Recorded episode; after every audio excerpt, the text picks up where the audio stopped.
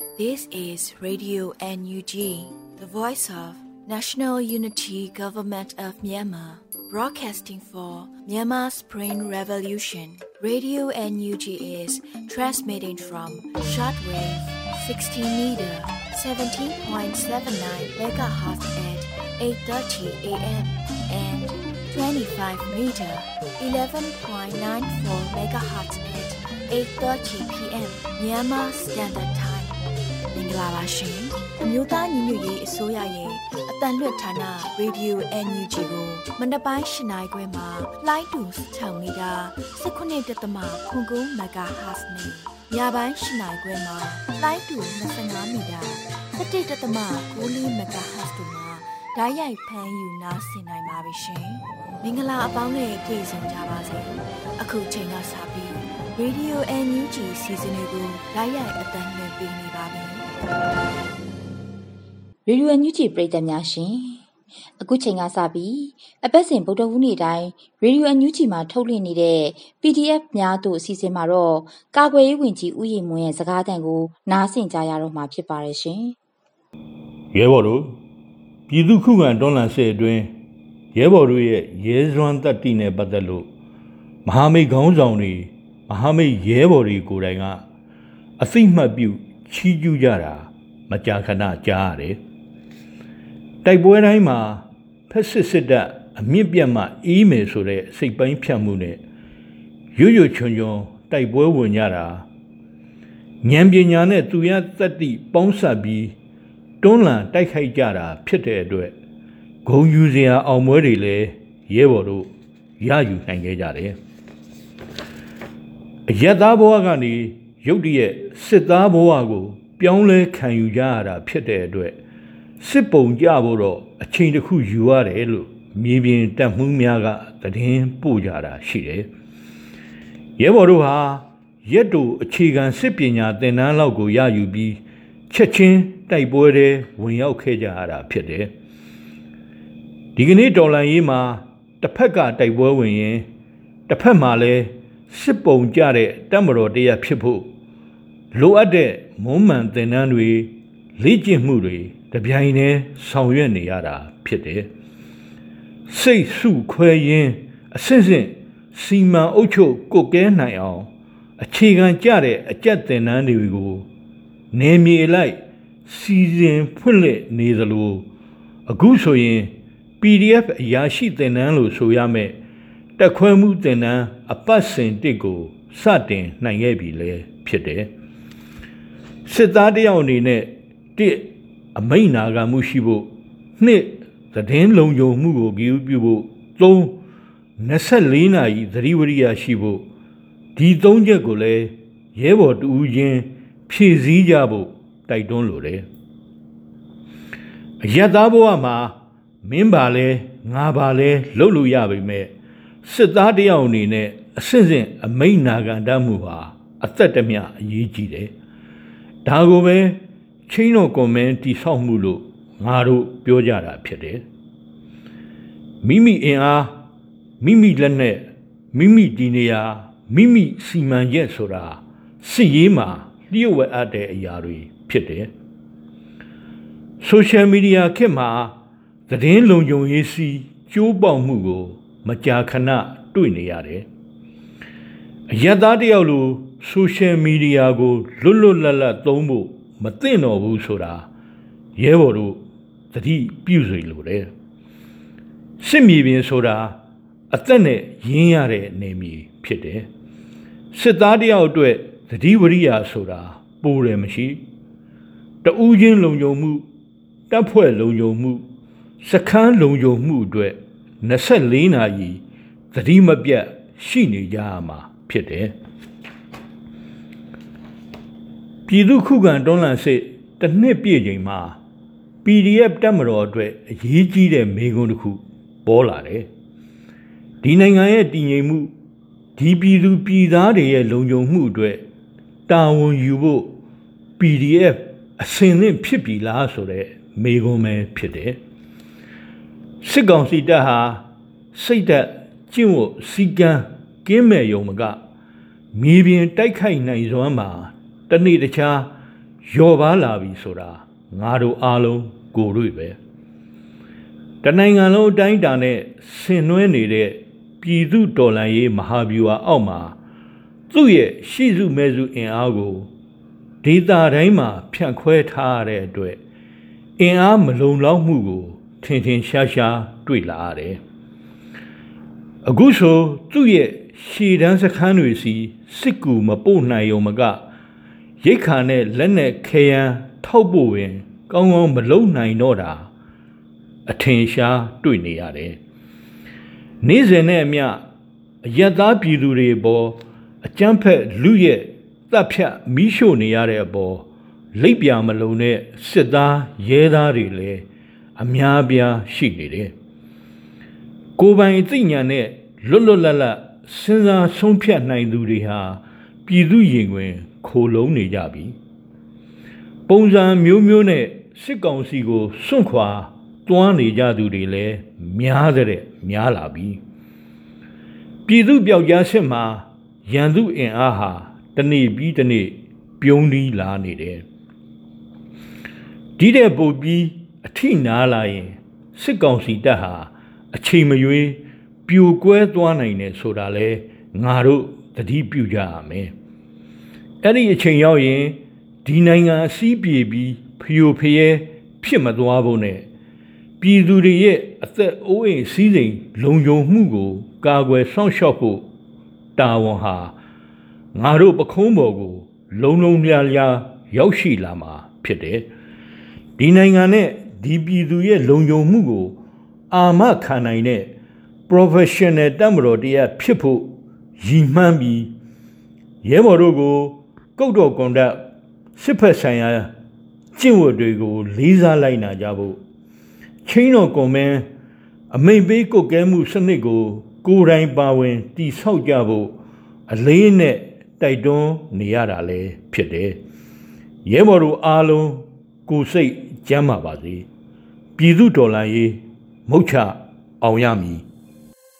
မြန်မာနိုင်ငံသူနိုင်ငံသားအပေါင်းတဘာဝပေးဆရာနာရှင်ပေတို့ကနေကင်းဝေးပြီးကိုစိတ်နှပါပေးကင်းလုံးကြုံကြပါစေလို့ရေဒီယိုအန်ယူဂျီဖွယ်သားများကဆုတောင်းမြတ်တာပို့သလိုက်ရပါတယ်ရှင်။အခုချိန်ကစပြီးကာဝေးဝင်ကြီးဌာနရဲ့စီရေးသတင်းချင်းချုပ်ကိုတော့စောတဲလူနေမှဖတ်ကြားတင်ပြပေးပါမယ်ရှင်။မင်္ဂလာပါ။အမျိုးသားညီညွတ်ရေးအစိုးရကာကွယ်ရေးဝန်ကြီးဌာနမှထုတ်ဝေသောနိုင်စဉ်စီရေးသတင်းအကျဉ်းချုပ်များကိုစတင်ဖတ်ကြားပေးပါမယ်။ စစ်ကောင်စီတပ်သား23ဦးသေဆုံးပြီးဒဏ်ရာရရှိသူအရေအတွက်ကိုတော့စုံစမ်းဆဲဖြစ်ကြောင်းသိရှိရပါတယ်ခင်ဗျာစစ်ကောင်စီနဲ့တိုက်ပွဲဖြစ်ပွားမှုများကိုဆက်လက်ဖတ်ကြားပေးပါမယ်ကရင်နီကရားပြည်နယ်တွင်စက်တင်ဘာလ12ရက်နေ့မနက်8:45ခန်းကလွိုင်ကော်မြို့နယ်ကယန်းတာယာရွာအနီးရှိစစ်ကောင်စီတပ်ကို KNDF B14 KNDF B02 တို့မှဝင်ရောက်ပစ်ခတ်ရာစစ်ကောင်စီဗိုလ်တူပါဝင်အထိခိုက်များပြားခဲ့ကြောင်းသတင်းရရှိပါရခင်ဗျာ စကိုင်းတိုင်းတွင်စတင်မာလ23ရက်နေ့ကဘူးတလင်မြို့နယ်ပဲပစ်တော်ကျေးရွာအနီးစစ်ကောင်စီတပ်မှ33အင်အား80ခန့်ပါသောစစ်ကြောင်းနှင့်ဒေသခံကာကွယ်ရေးတပ်ဖွဲ့စုပေါင်းဖွဲ့များတိုက်ပွဲဖြစ်ပွားရာစစ်ကောင်စီတပ်သား9ဦးသေဆုံးပြီးပြည်သူ့ကာကွယ်ရေးရဲဘော်2ဦးကြာဆုံးခဲ့ကြောင်းသိရရှိပါရခင်ဗျာစက်တင်ဘာလ12ရက်နေ့နေ့လယ်2နာရီခန့်က ကောလင်းမြို့နယ်ကိုတောင်ဘိုးရွာတွင်အခြေစိုက်ထားသည့်ခမာရ133တပ်ရင်းမှစစ်ကောင်စီတပ်သားများနှင့်ပြည်သူ့ကာကွယ်ရေးတပ် PDF အဖွဲ့ဝင်များဟာဒေါ်လာမီတောင်ခေါ်အယိုးတောင်ပေါ်တွင်၄နာရီကြာတိုက်ပွဲဖြစ်ပွားခဲ့ပြီးပြည်သူ့ကာကွယ်ရေးတပ်သား၈ဦးကြာဆုံးခဲ့ကြောင်းသိရှိရပါသည်။တိုက်ပွဲအပြီးမှာစစ်ကောင်စီတပ်များကအယိုးတောင်ရှေ့ဘက်ရွာချင်းဆက်ရှိသည့်ဇီကုံအင်ပင်သာကပလူးရွာတို့တွင်တပ်ဖြန့်ထားခဲ့ပြီးဒဏ်ရာရလူနာများကိုကိုးတောင်ပိုးရွာသို့ပြန်လည်တည်ဆောင်သွားခဲ့ကြောင်းသိရရှိပါရခင်ဗျာ။ စက်တင်ဘာလ12ရက်နေ့နေ့လယ်2:05မိနစ်ခန့်ကမြင်းမှုမြို့နယ်အနောက်မြောက်တိုင်းစစ်ဌာနချုပ်မှထွက်လာသောကွန်တိန်နာကား၄စီးစစ်ကောင်စီတပ်သားအင်အား30ခန့်ကိုအလက်ကပါရွာနှင့်ဝမ်းပြေကြီးရွာကြတွင် People's Army to Fight Dictatorship PAFD တပ်ခွဲ DK PDF MMU People Knife Defense Force မြင်းမှုတောင်တာ People Defense Force TTA PDF နှင့် DPPF MMU တို့ပူးပေါင်း၍ပရိသာမိုင်း6လုံးဖြင့်မိုင်းဆွဲတိုက်ခိုက်ခဲ့ကြောင်းသိရရှိပါရခင်ဗျာ စက်တင်ဘာလ12ရက်နေ့နေ့လယ်2နာရီခန့်က မြင်းမှုမြို့နယ်အလကပါကျေးရွာမှရေဘိုးစာကျေးရွာသို့ခြိတက်လာသောစစ်ကောင်စီတပ်ကိုဂွေမင်တော်ရွာကြီးအနီးတွင် Black Eagle Defense Force MMU PDF မြင်းမှု Civil Revolution Force CRF မြင်းမှုမြင်းမှု Lightning Guerrilla Force မြင်းမှုလျှက်စီးပျောက်ကြားအဖွဲ့မြောင်မြို့နယ်ပြည်သူ့ကာကွယ်ရေးနှင့်လုံခြုံရေးအဖွဲ့ CDSOM နှင့်ပြည်သူ့ကာကွယ်ရေးတပ်မတော်စကိုင်းခရိုင်တရင်6တပ်ခွဲနှင့်တို့ပူးပေါင်းမိုင်းဆွဲတိုက်ခိုက်ခဲ့ရာစစ်ကောင်စီတပ်သား12ဦးခန့်သေဆုံးပြီးအများပြားဒဏ်ရာရရှိကြောင်းတင်ရရှိပါရခင်ဗျာ စက်တင်ဘာလ12ရက်နေ့နေ့လယ်12:30ခန်းကမုံရွာမန္တလေးလမ်းမကြီးပေါ်ရှိမုံရွာမြို့အဝင်မအူစစ်စေးရေးဂိတ်ကို People's Defense Force South မုံရွာနှင့်အတူ Black Dragon Special Task Force Golden Eagle Force မုံရွာ God of မုံရွာ People's Defense Force Night Commanders PDF မုံရွာမြို့နယ်ပြည်သူ့ကာကွယ်ရေးအဖွဲ့ပကဖာ People Defense Force ရာဇသန် Farmers Revolution Force FRF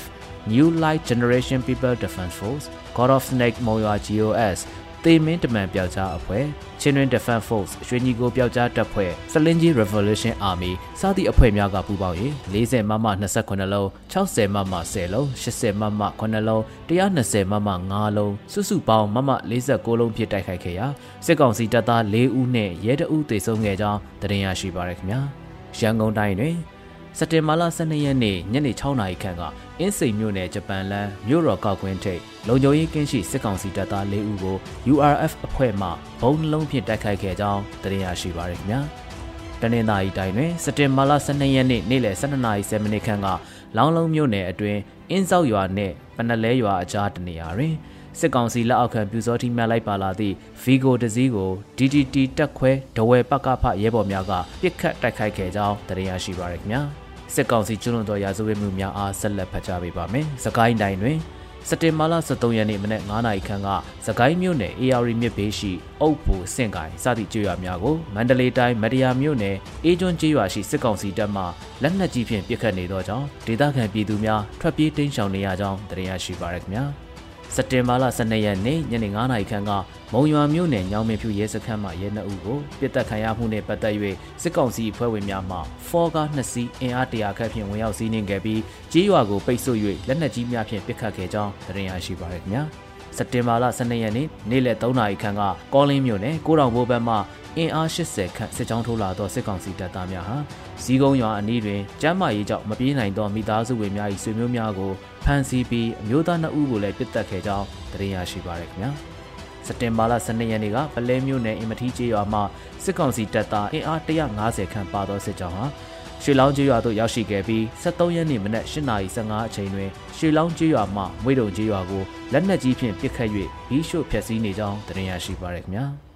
မကွေးတိုင်းတွင်စက်တင်ဘာလ23ရက်နေ့မနက်8:20ခန်းကစောမြို့နယ်ကြောက်ထုဒေသရောမြို့ကျေးရွာသို့အင်အား88ဦးခန့်ပါသောတပ်မ55စစ်ကောင်စီစစ်ကြောင်းကရောမြို့ရွာအတွင်းချိန်တနာရီကြာအချိန်ယူကစားတောက်နေခဲ့ပြီးထိုမှတဆင့်ရောမြို့ကျေးရွာအရှိတ်ဘက်ဒေသအခေါ်ချင်းမတောင်ရာတောင်နှမ်းဘက်သို့ထွက်ခွာခဲ့ပြီးရောမြို့ကျေးရွာအတွင်းမှပြည်သူပိုင်အိမ်မွေးတရိတ်ဆန်ကြက်များအားအတင်းအဓမ္မဖမ်းဆီးခဲ့ပြီးကျေးရွာအတွင်းရှိဈေးဆိုင်များမှရိတ်ခါတချို့ကိုဝယ်ယူသွားခဲ့ကြောင်းတင်ရရှိပါရခင်ဗျာ။ ယခုဖော်ပြပါသတင်းများကိုမြေပြင်သတင်းတာဝန်ခံများနဲ့သတင်းဌာနများမှပေးပို့လာသောအချက်အလက်များပေါ်တွင်အခြေခံပြုစုထားခြင်းဖြစ်ပါတယ်ကျွန်တော် Sortes လူလေးပါခင်ဗျာ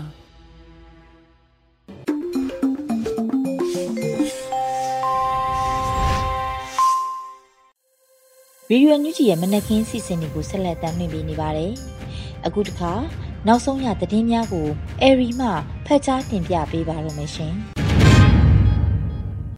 မင်္ဂလာပါရှင်အခုချိန်ကစပြီး Radio NUG မနက်ပိုင်းပြည်တွင်သတင်းတွေကိုတင်ပြပေးတော့မှာဖြစ်ပါတယ်ကျွန်မကတော့ Airy ပါရှင်ပထမဆုံးအနေနဲ့ຫນွေဦးထွန်လည်းရေးကိုအောင်အောင်မြင်မြင်အဆုံးသတ်နိုင်ရေးစ조사ကြဖို့ပြည်ထောင်စုဝန်ကြီးချုပ်ပြောကြားလိုက်တဲ့သတင်းကိုတင်ပြပေးပါမယ်မြို့ဦးတော်လိုင်းရေးကိုအောင်အောင်မြင်မြင်အဆုံးသတ်နိုင်ရေးစ조사ကြဖို့ပြည်ထောင်စုဝန်ကြီးချုပ်မန်းဝင်းခိုင်တန်းကစက်တင်ဘာလ23ရက်နေ့မှာကျင်းပတဲ့အမျိုးသားညီညွတ်ရေးအစိုးရရဲ့68ကြိမ်မြောက်အစိုးရအဖွဲ့အစည်းအဝေးမှာဆိုလိုက်ပါတယ်။ အစိုးရအဖွဲ့အတွင်းမှာဝန်ကြီးဌာနတွေအနေနဲ့တက်ဆိုင်ရာအလုပ်တာဝန်တွေလည်းများပြားလာသလိုလိုအပ်ချက်အရဖွဲ့စည်းထားတဲ့ကော်မတီအသီးသီးမှလည်းမပြတ်မကွက်တက်ရောက်ဆွေးနွေးပေးကြဖို့နဲ့တော်လှန်ရေးအတွက်တရက်ဆိုတဲ့အချိန်ဟာလည်းကြာတယ်လို့ထင်ရတာဖြစ်လို့အချိန်နဲ့တပြေးညီအလုပ်လုပ်ကြရင်လူဦးတော်လှန်ရေးကိုအောင်အောင်မြင်မြင်အဆုံးသတ်နိုင်ရေးစ조사ကြဖို့ဝန်ကြီးချုပ်ကဆိုခဲ့တာပါ2023ခုနှစ်ဩဂုတ်လမှာကျင်းပမယ့်စစ်ကောင်စီရဲ့ရွေးကောက်ပွဲမတိုင်မီလူဦးတော်လှန်ရေးကိုအပိသက်ဆောင်ရွက်မယ်လို့လည်းပြည်ထောင်ဝန်ကြီးကလည်းဆိုထားပါတယ်ရှင် ဆက်လက်ပြီးအကြမ်းဖက်တိုက်ဖြတ်ရေးဗဟိုကော်မတီအနေနဲ့စီမံဆောင်ရွက်ရမယ့်ကိစ္စတွေအတွက်ပြည်ထရေးဝန်ကြီးဌာနတရားရေးဝန်ကြီးဌာနတို့ပူးပေါင်းဆောင်ရွက်ကြဖို့ပြည်ထောင်စုဝန်ကြီးချုပ်ကအစိုးရအဖွဲ့ကိုမှာကြားတဲ့သတင်းကိုလည်းတင်ပြပေးပါောင်းမယ်။အကြံဖတ်တိုက်ဖြတ်ရေးဗဟုကော်မတီအနေနဲ့စီမံဆောင်ရွက်ရမယ့်ကိစ္စတွေအတွက်ပြည်ထရေးဝန်ကြီးဌာနနဲ့တရားရေးဝန်ကြီးဌာနတို့ပူးပေါင်းဆောင်ရွက်ဖို့ပြည်ထောင်စုဝန်ကြီးချုပ်မန်ဝင်းခိုင်တန်းကအစိုးရအဖွဲ့ကိုပြောကြားလိုက်ပါတယ်။ တခုပြောလိုတာကအကြံဖတ်တိုက်ဖြတ်ရေးဗဟုကော်မတီအနေနဲ့စီမံဆောင်ရွက်ရမယ့်ကိစ္စတွေအတွက်ပြည်ထရေးနဲ့လူဝင်မှုကြီးကြပ်ရေးဝန်ကြီးဌာနနဲ့တရားရေးဝန်ကြီးဌာနတို့ပေါင်းဆက်ဆောင်ရွက်နိုင်ရေးကိစ္စကအလင်းမြန်လိုအပ်လာပြီးဖြစ်ပါတယ်လို့ဆိုတာပါ။ဒါအပြင်အစည်းအဝေးမှာအထူးတရားရုံးကိစ္စတွေစိုးမိုးထိန်ချုပ်နယ်မြေတွေမှာတရားစီရင်နိုင်ရေးကိစ္စရပ်တွေအများဆုံးအကောင့်ထဲပေါ်နိုင်ရေးတစ်နှစ်အတွင်းအားစိုက်လှုပ်ဆောင်ရမယ့် one year strategy ကို cabinet မှာဆွေးနွေးပြီးဖြစ်တယ်လို့မဟာမိတ်တွေနဲ့လည်းတိုင်ပင်ဆွေးနွေးပြီးဖြစ်တဲ့အတွက်ဆက်လက်အားစိုက်လှုပ်ဆောင်ရေးဝန်ကြီးဌာနအချင်းချင်းပူးပေါင်းဆောင်ရွက်ရမှာတွေကြိုတင်ပြင်ဆင်ရမှာတွေကိုလည်းဆွေးနွေးခဲ့ကြပါတယ်။အစည်းအဝေးကိုယာယီသမ္မတဒူဝါလက်ရှိလာပြည်ထောင်စုဝန်ကြီးချုပ်မန်ဝန်ခိုင်တန်းတို့အပါအဝင်ပြည်ထောင်စုဝန်ကြီးတွေနဲ့ဒုတိယဝန်ကြီးတွေတက်ရောက်ခဲ့ကြတယ်လို့သတင်းရရှိပါတယ်ရှင်။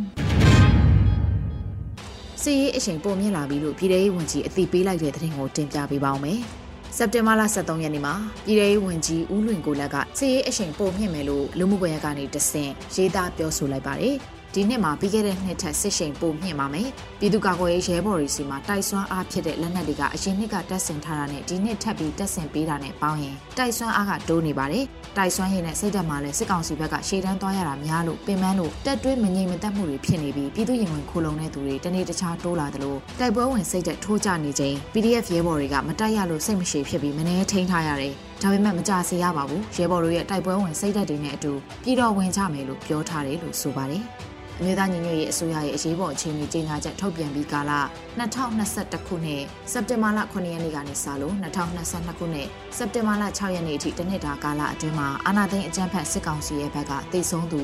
25,109ဦးနဲ့ထိခိုက်သူ8,023ဦးထိရှိခဲ့တာလည်းဖြစ်ပါတယ်။ပြည်သူလူထုရဲ့ထောက်ခံမှုကလည်းစီမံဘဏ္ဍာဝန်ကြီးရောင်းသမျှအကုန်ဝင်နေကြတာကြည့်ရင်ပြည်သူမှာအောင်စိတ်ကအခိုင်အမာကိုရှိနေတယ် ပြီးခဲ့တဲ့နှစ်သမ္မတကြီးအရေးပေါ်အခြေအနေကြေညာခဲ့ပြီးတစ်နှစ်အတွင်းမှာပြည်သူ့ကာကွယ်ရေးတပ်ဖွဲ့တွေမြို့ပြပျောက်ကြားတွေဆင်နွှဲခဲ့တဲ့ခုခံစစ်ကမြေပြင်ကျေးလက်နဲ့တောတောင်တွေကြားမှာထိတွေ့တိုက်ပွဲမျိုးစုံနဲ့စစ်မျက်နှာစုံဖွင့်နိုင်ခဲ့ကြတယ်။ဒီနှစ်သမ္မတကြီးဒီဒေးကြေညာပြီးရင်တော့အားလုံးအသင့်အနေထားဖြစ်အောင်ပြင်ထားကြပြီတော့လို့ပြည်ထောင်ဝန်ကြီးကထပ်လောင်းပြောပါတယ်။လက်ရှိမှာစစ်ဒေတာကွယ်၃ခုရှိပြီးမကြမီ EAOs မဟာမိတ်အသစ်တွေထပ်မံတိုးလာမှာဖြစ်ပြီးစစ်ဒေတာအသစ်တွေတိုးချဲ့ပေါ်ပေါက်မယ်လို့ကာကွယ်ရေးဝန်ကြီးကလည်းဆိုထားပါတယ်ရှင်။ ပြည်သူ့လုံခြုံရေးအဖွဲ့တွေတို့အမှုစစ်အခြေခံတင်နန်းတင်မြဲဆောင်2022ကိုပြည်သူ့ရဲတပ်ဖွဲ့ရဲချုပ်ရဲရာရှိကြီးတွေနဲ့ပြည်သူ့လုံခြုံရေးအဖွဲ့ဝင်90ကျော်တက်ရောက်တဲ့တဲ့ရင်ကိုတင်ပြပေးပါမယ်။ပြည်သူ့လုံခြုံရေးအဖွဲ့များသို့အမှုစစ်အခြေခံတင်နန်းတင်မြဲဆောင်2022ကိုပြည်သူ့ရဲတပ်ဖွဲ့ရဲချုပ်ရဲရာရှိကြီးတွေနဲ့ပြည်သူ့လုံခြုံရေးအဖွဲ့ဝင်90ကျော်တက်ရောက်ခဲ့တယ်လို့သိရှိရပါတယ်။စက်တင်ဘာလ12ရက်နေ့မှာအမျိုးသားညီညွတ်ရေးအစိုးရပြည်ထောင်ရေးနဲ့လူဝင်မှုကြီးကြပ်ရေးဝန်ကြီးဌာနပြည်သူ့ရဲတပ်ဖွဲ့ကဖွင့်လှစ်တင်ကြားပေးခဲ့တာဖြစ်ပါတယ်။ အမျိုးသားညီညွတ်ရေးအစိုးရပြည်ထောင်ရေးနဲ့လူဝင်မှုကြီးကြပ်ရေးဝန်ကြီးဌာနပြည်သူ့ရဲတပ်ဖွဲ့ကဖွင့်လှစ်တင်ကြားတဲ့အမှုစစ်အခြေခံပလဖတင်နန်းအမှတ်စဉ်တင်မြင့်ဆောင်2022ကိုစက်တင်ဘာလ12ရက်နေ့မနက်9:00နာရီအချိန်မှာဖွင့်လှစ်တင်ကြားခဲ့ရမှာအခမ်းအနားကိုပြည်ထောင်ရေးနဲ့လူဝင်မှုကြီးကြပ်ရေးဝန်ကြီးဌာနပြည်ထောင်စုဝန်ကြီးဦးလွင်ကိုလက်ဒုတိယဝန်ကြီးခုရဲဘူးနဲ့အမြဲတမ်းအတွင်းဝင်တို့ကအဖွင့်မှာစကားပြောကြားခဲ့ကြပါတယ်။တင်နန်းကိုပြည်သူ့ရဲတပ်ဖွဲ့ကရဲချုပ်ရဲရရှိကြီးတွေနဲ့ပြည်သူ့လုံခြုံရေးတပ်ဖွဲ့ဝင်90ကျော်တက်ရောက်ခဲ့ကြတယ်လို့လည်းသတင်းရရှိပါတယ်ရှင်။ အခုဆက်လက်ပြီးဒေါ်လာရင်းအင်အားစုတချို့ကိုထောက်ပံ့မှုဝစ်လက်ဆမူကုတ်ပရမများလက်စွပ်နဲ့ဆွဲသည့်အလုံးနှလုံးကိုစကိုင်းတိုင်းအမှတ်လေးလံတင်ရောင်းချတဲ့တဲ့တင်ကိုတင်ပြပေးပါောင်းမယ်။ဒေါ်လာရင်းအင်အားစုတချို့ကိုထောက်ပံ့မှုဝစ်လက်ဆမူကုတ်ပရမများလက်စွပ်နဲ့ဆွဲသည့်အလုံးနှလုံးကိုစကိုင်းတိုင်းဒေသကြီးလွှတ်တော်ကိုယ်စားလှယ်ဒေါ်တန့်ဝေကျော်ကလေးလံတင်ရောင်းချလိုက်ပါတယ်။စက်တင်ဘာလ12ရက်နေ့မှာစတင်ပြီးကြံငင်းစိမြန်မာငွေကျပ်330ကစတင်ထားပြီးစက်တင်ဘာလ29ရက်နေ့မှာအရှောင်းပိတ်မယ်လို့ Radio Energy ကိုလွှတ်တော်ကိုယ်စားလှယ်ဒေါ်တန့်ဝေကျော်ကအခုလိုပြောပြပါဗျ။ ရလာတဲ့ရမုံငွေကတော့ကျွန်မအညာအညာဒေတာမှာရှိတဲ့ဒီရမုံငွေရရှိဖို့ခက်ခဲတဲ့ဟိုနာမည်သိမ့်မထင်ရှားကြတဲ့အဖွဲ့လေးတွေကတစ်ဖွဲ့ကိုကျွန်မပြီးဖို့ရည်ရွယ်ထားတယ်ရည်ရွယ်ထားပြီးသားအဖွဲ့လည်းရှိပါတယ်ရှင်အာနောက်ပြီးတော့ကျွန်မလိုပဲလောက်ဖို့ကင်ဘက်တွေအဲညီမတွေရှိပါတယ်အဲသူတို့စီကိုလည်းကျွန်မမျှဝေလိုတဲ့ဆန္ဒရှိတယ်ဒီအစီအစဉ်လေးနဲ့ကျွန်မဒီဒီလေးလံကိုလုပ်ဖြစ်ပါတယ်ရှင် အခုလီလံကတော့ရိုးရိုးရှင်းရှင်းမှာပဲကျမကြိုက်လို့ဝယ်ထားတယ်အဲကျမဝတ်ဖို့ဝယ်ထားတယ်ဝတ်လဲဝတ်နေတဲ့ပစ္စည်းလေးတွေပါဒါကိုကျွန်မဒုတိယချိန်လေးလာအနေနဲ့ပြင်ဆင်တာဖြစ်တယ်။အမဲစနစ်နဲ့လုပ်ရင်တော့ရမငွေပိုရတယ်ဆိုတာတော့ဟိုကျွန်တော်တို့သိပါတယ်။ကျွန်မမဲစနစ်ကိစ္စကိုကြတော့တတိချာချာလေးကျွန်မလုံနိုင်မှုကခက်ခဲရှိတယ်ဒီအတွက်ကြောင့်ကျွန်မကျွန်မမျှော်မှန်းထားတဲ့ target တစ်ခုရရင်တော်ပြီဆိုပြီးတော့ကျွန်မကြံခင်စီ330တတ်မှတ်ပြီးတော့ပဲကျွန်မလေးလံစနစ်ကိုပုံလိုက်ပါတယ် အဆိုပါလက်ဝဲရတနာတွေဟာဒေါသဝေကျော်စုဆောင်းထားတဲ့ဝက်လက်ဆမိုးကုတ်ပရမများလက်စွပ်နဲ့ဆွဲသည့်အလုံးနှလုံးဖြစ်ပြီးအမြင့်ဆုံးဈေးပေးသူထံပစ္စည်းအပ်မယ်လို့လည်းပြောဆိုထားပါတယ်ရှင်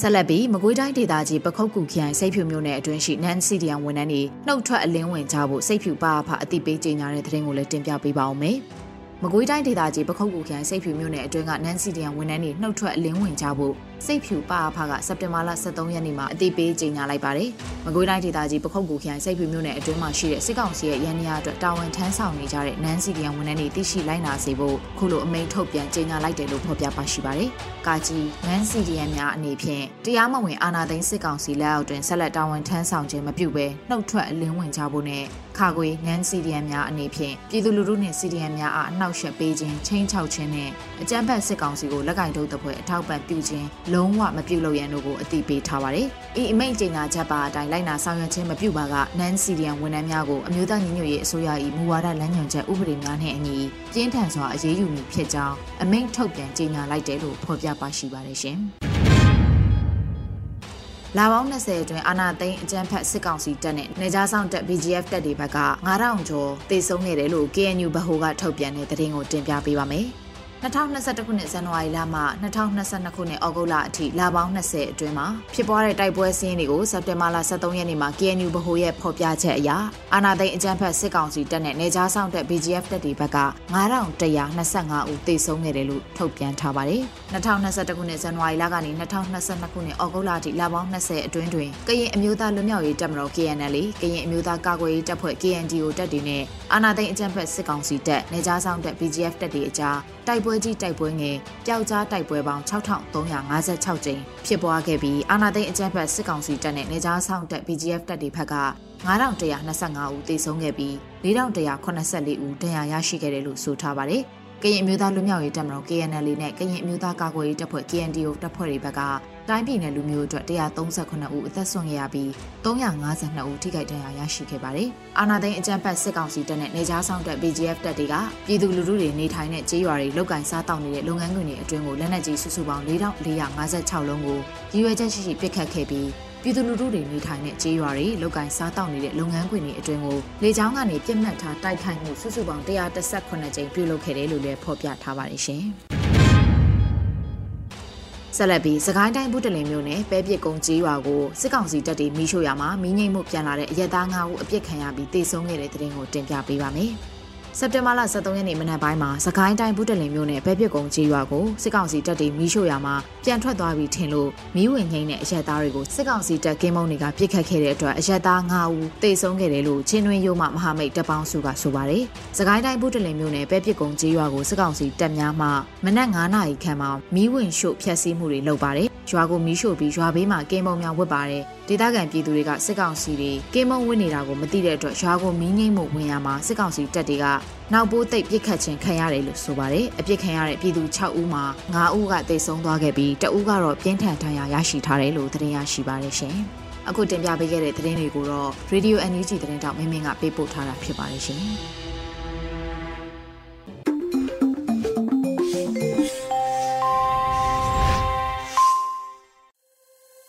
ရေဒီယိုညူချီပရိသတ်တွေအတွက်ကူးဆက်လက်ပြီးထုတ်လွှင့်ပေးမယ့်အစီအစဉ်ကတော့တော်လန်ရေးကြပြအစီအစဉ်ဖြစ်ပါတယ်။တောကစားဝင်ခြင်းလို့အမည်ရတဲ့တော်လန်ရေးကြပြကိုဒီတစ်ကရေးသားပြီးခါရှဲမှဖတ်ကြားတင်ပြပေးထားတာကိုနားဆင်ကြရတော့မှာဖြစ်ပါတယ်ရှင်။တောကစားဝင်ခြင်းတဆက်ဆက်တုံးလို့မလှုပ်ရှက်တင်းမြင့်များအပေါ်စင်းစင်းသေးများကဖြက်ဖြက်လူသားကောင်ကို ပွဲတော်ဒီတောအုပ်ထဲမိုးဆိုးလိုက်အကနဲ့တမင်တွေထားကြနေပုံမြေကျိုးအင်းကလိုင်းလုံးတွေတွေ့ပြန်ရလေးညို့တန်တောင်းတောင်းတောင်းရောမမြို့ပြက်ကြီးပူဝင်တစ်ပင်တွေစီကုခတ်လာပုံကတောမီပူလောင်ဆူနာမီ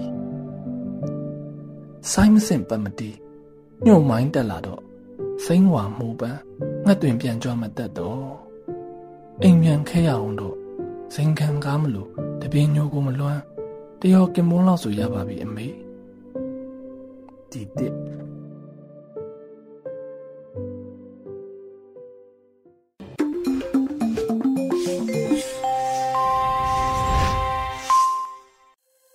ရေရွယ်ညူချီမှာဆက်လက်တမ်းမြင်နေပါတယ်။အခုဆက်လက်ပြီးပြည်သူခုခံစစ်တရင်များကိုနှွေဦးလိပ်ပြမှဖတ်ကြားတင်ပြပေးပါမယ်ရှင်။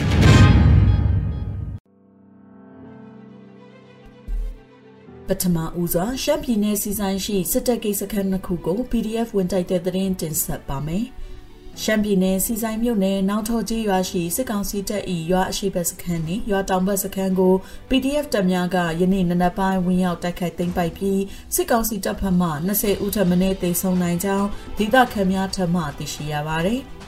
စစ်ကောင်စီတပ်ကစက်တင်ဘာ12ရက်နနက်9:00နာရီမထိုးခင်အချိန်တွင်တိုက်လေရင်များဖြင့်လာရောက်ပစ်ခတ်သွားကြောင်း လေရင်ဖြစ်လာပစ်ချိန်တွင် PDF များပြန်လည်ဆုတ်ခွာသွားကြောင်းသိရှိရပါသည်။နောက်ဆုံးအနေနဲ့မုံရွာတွင်ရဲတအုပ်ကိုလက်နက်နဲ့အတူဖမ်းမိတဲ့သတင်းတင်ဆက်ပါမယ်။စကိုင်းတိုင်းမုံရွာမြို့နယ်တွင်စက်တင်ဘာလ12ရက်နေ့တွင်ရဲတအုပ်ဖမ်းမိခဲ့ပြီးခုခံထွက်ပြေးရန်စ조사ဖြင့်လိုက်လံပစ်ခတ်ဖမ်းဆီးရမှတေဆုံးသွားကြောင်းဒေသကာကွယ်ရေးတပ်ဖွဲ့များထံမှသိရှိရပါသည်။ စက်တင်ဘာလ12ရက်နနက်7:45မိနစ်အချိန်မုံရွာမြို့နယ်ညောင်ချေထောက်ကျေးရွာထိပ်တွင်အကြံဖက်စစ်ကောင်စီလက်အောက်ခံရဲတအုပ်ကိုမုံရွာမြို့ပြပျောက်ကြားတပ်ဖွဲ့ဝင်များကဖမ်းဆီးရမိခဲ့ကြောင်းအဆိုပါရဲထံမှ PA63 လက်နှင့်အတူကြီးပေါက်3ခုကြီး116တောင်နှင့်တင်ဆက်ရမိခဲ့ကြောင်းထွက်ပြေးပြီးခုခံရဲစ조사သဖြင့်လိုက်လံပစ်ခတ်ဖမ်းဆီးရမှအဆိုပါရဲတည်ဆုံသွားကြောင်းဒေတာခံပကဖထံမှသိရှိရပါတယ်ရှင်။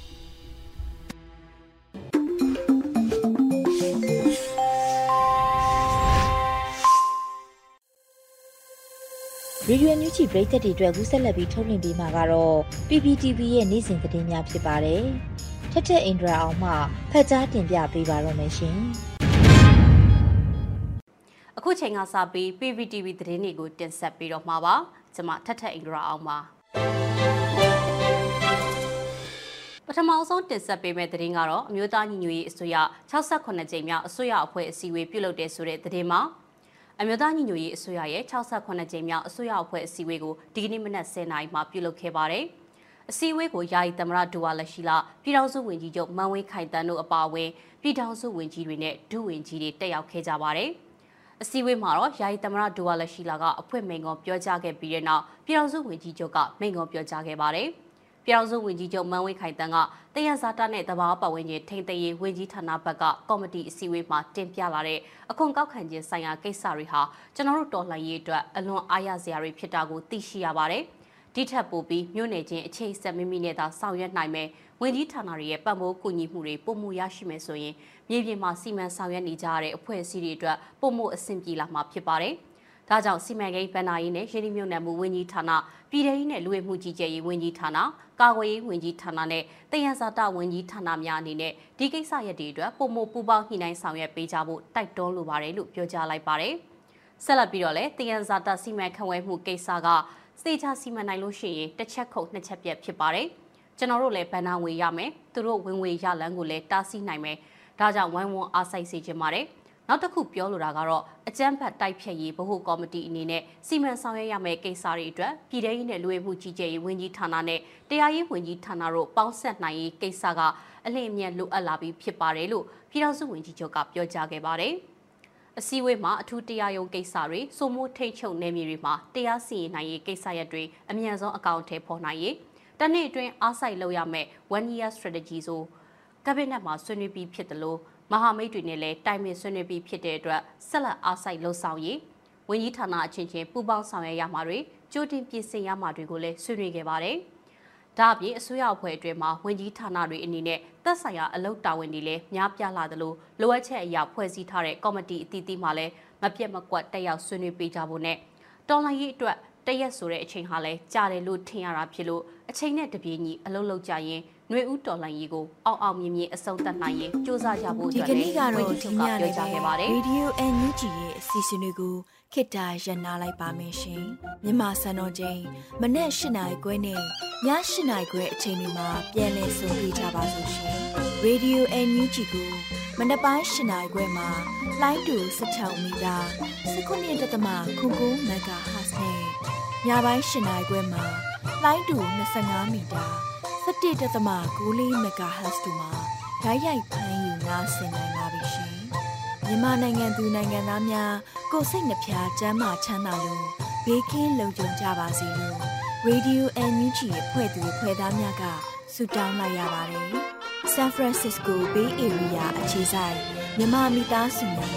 နိုင်ငံတကာကစေတနာရှင်များလို့အားပေးများရဲ့ Radio NUG ဖြစ်ပါတယ်ရှင်။အရေးတော်ပုံအောင်ရမည် よし。